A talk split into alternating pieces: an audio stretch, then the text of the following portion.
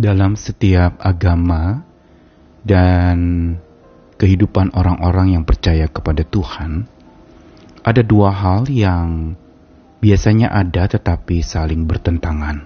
Pertama adalah adorasi, dari kata adore yang berarti memuja, menyembah, mengagungkan. Dalam setiap religi selalu ada yang namanya adorasi, menyembah, mengagungkan, memuja Tuhan. Tetapi ada satu lagi yang kalau tidak hati-hati semua orang religi bisa mengalaminya. Kedengarannya hampir mirip dengan adorasi, yaitu arogansi. Merasa diri sesudah beribadah, rasanya saya layak disebut orang saleh. Saat beribadah merasa diri sudah lebih benar dan lebih hebat dari orang lain Arogansi sering kali beriringan berjalan dengan adorasi, memuja sekaligus juga bermegah diri. Padahal sebenarnya memuja itu memang harusnya seutuhnya sepenuhnya dialamatkan kepada Tuhan, sehingga tidak ada ruang di dalam sebuah adorasi, tidak ada ruang untuk arogansi. Yang ada adalah sebuah penghambaan yang makin dalam, sesuai dari kata adorasi yang mau menegaskan tentang kita hamba dan yang kita puja itu adalah Tuhan. Karenanya semakin kita memuja Tuhan kita, harusnya kita makin pantang puja diri kita sendiri. Saya Nikolas Kurniawan menemani lagi dalam Sabda Tuhan, hari ini dari sebuah perumpamaan yang Yesus ajarkan di dalam Lukas pasal 18 ayat 9 sampai 14. Dan kepada beberapa orang yang menganggap dirinya benar dan memandang rendah semua orang lain, Yesus mengatakan perumpamaan ini. Ada dua orang pergi ke bait Allah untuk berdoa. Yang seorang adalah Farisi dan yang lain pemungut cukai. Orang Farisi itu berdiri dan berdoa dalam hatinya begini, Ya Allah, aku mengucap syukur kepadamu. Kan aku tidak sama seperti semua orang lain. Bukan perampok, bukan orang lalim, bukan pezina, dan bukan juga seperti pemungut cukai ini. Aku berpuasa dua kali seminggu. Aku memberikan sepersepuluh dari segala penghasilanku. Tetapi pemungut cukai itu berdiri jauh-jauh bahkan ia tidak berani menengadah ke langit melainkan ia memukul-mukul diri dan berkata, "Ya Allah, kasihanilah aku orang berdosa ini." Lalu Yesus berkata kepada mereka, Aku berkata kepadamu, orang ini pulang ke rumahnya sebagai orang yang dibenarkan Allah dan orang lain itu tidak. Sebab barang siapa meninggikan diri, ia akan direndahkan. Dan barang siapa merendahkan diri, ia akan ditinggikan. Apa yang Yesus ajarkan, perumpamaan ini sangat telak ditujukan kepada orang yang tegas sekali Lukas 18 mencatat orang-orang yang menganggap diri benar dan memandang rendah semua orang lain. Pada zaman Yesus hidup, orang-orang beragama, bereligi itu begitu bangga sekali dengan keagamaan mereka. Mereka menganggap itu adalah satu kehormatan, kebanggaan dipegang teguh dan kuku, tetapi dampaknya adalah merasa diri benar sendiri dan yang lainnya salah. Dengan segala macam kebenaran hukum yang mereka pegang dari keagamaan mereka, lalu mereka menghakimi orang lain. Dan di dalam menghakimi mereka memandang remeh, memandang rendah semua orang seolah-olah semuanya pelanggar-pelanggar hukum. Dan merekalah pelaku-pelaku hukum karena mereka yang paling tahu hukum.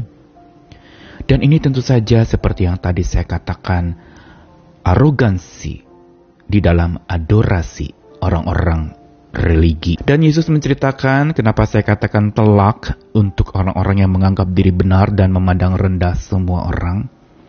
Yesus mengumpamakan dua orang pergi berdoa ke bait Allah.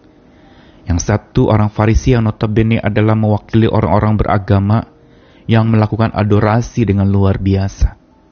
Sementara yang lain adalah pemungut cukai yang bahkan tidak punya waktu mungkin untuk beradorasi. Mereka mungkin hanya sewaktu-waktu saja ke bait Allah karena merasa diri tidak layak. Mereka mungkin menjadi pemalas-pemalas yang lebih suka tinggal di dalam segala macam gelimang pekerjaan mereka untuk meraih cuan sebanyak-banyaknya lewat pekerjaan sebagai pemungut cukai. Tetapi orang Farisi itu dikatakan di dalam Lukas berdiri dan berdoa dalam hatinya begini. Kenapa dikatakan berdoa dalam hatinya? Apakah kalau berdoa dalam hati terdengar? Tapi perumpamaan ini mau mengatakan bahwa orang Farisi itu juga bukan orang yang sebenarnya sering membuka suara tetapi ada perkara yang begitu mengerikan di dalam hatinya, yaitu arogansi, kesombongan agama yang mereka pegang, dan segala macam pengetahuan mereka dianggap sebagai sebuah kebanggaan, dan itulah modal mereka untuk mendapatkan untung sebanyak-banyaknya dari pekerjaan mereka. Lewat apa? Menjatuhkan orang lain. Doa dalam hati orang Farisi itu adalah dia membanding-bandingkan diri. Dia mengatakan, aku mengucap syukur karena aku tidak sama seperti orang lain. Perhatikan pembuka doanya. Memang dikatakan, ya Allah, dia berseru kepada Allah, tapi dia sedang mengedepankan dirinya di hadapan Allah. Dia katakan, aku tidak sama seperti orang lain. Aku lebih baik dari dia. Aku bukan perampok, orang lalim. Aku bukan seperti pemungut cukai ini. Doa yang lahir dari sebuah arogansi adalah doa yang memang tampaknya di awal menyebut nama Tuhan dengan benar, tetapi dalam hati justru mereka sebenarnya sedang mengumpat. Mereka tidak sedang taat kepada Tuhannya. Mereka justru merasa diri benar sendiri, melihat orang lain selalu salah, melihat orang lain para pelanggar-pelanggar hukum, perampok, orang lalim, pecina. Lalu diikuti dengan pemegahan diri dengan dia bilang, aku berpuasa dua kali seminggu, aku beri sepersepuluh dari penghasilanku. Apa yang dikabarkan di sini tentang orang Farisi ini menunjukkan arogansi di dalam adorasi orang yang berdoa kepada Tuhan, memuja Tuhan, tapi sebenarnya sedang memuja diri sendiri di hadapan manusia. Tapi pemungut cukai itu tidak ada waktu berkesempatan untuk arogansi karena dia sadar dirinya berdosa. Dia justru menyadari akan kecemarannya. Dia bahkan tidak berani menghadap ke langit, menengada dan melihat kepada Tuhan. Dia memukul dirinya sebagai lambang penyesalan, kehancuran hati, dan berkata, Tuhan kasihanilah aku orang berdosa ini. Dan apa yang Yesus katakan? Orang yang pulang ke rumah sebagai orang yang dibenarkan itu adalah justru orang yang memukul-mukul dada dan menyadari kecemaran dirinya. Mereka lah yang membutuhkan kebenaran dan mereka lah yang akan peroleh kebenaran karena mereka sadar akan dirinya yang penuh dengan kecemaran. Pelajaran hari ini mau beritahu kepada kita dari kisah ini bahwa orang yang datang memuja Sang Maha Benar itu, adorasi kepada Sang Maha Benar itu, tetapi tidak menyadari dirinya cemar, maka mereka sebenarnya sedang memuja diri mereka sendiri dan membenarkan diri mereka sendiri sambil memandang remeh dan rendah orang-orang lain.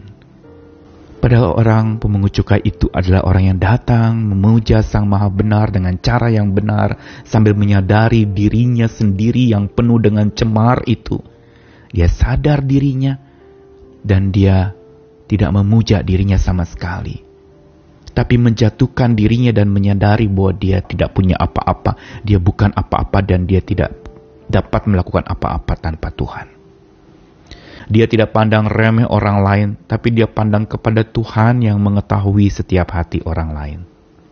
Karenanya pelajaran kita hari ini, ayo saat kita adorasi memuja Tuhan kita, hati-hati pemujaan diri pun bisa menemani.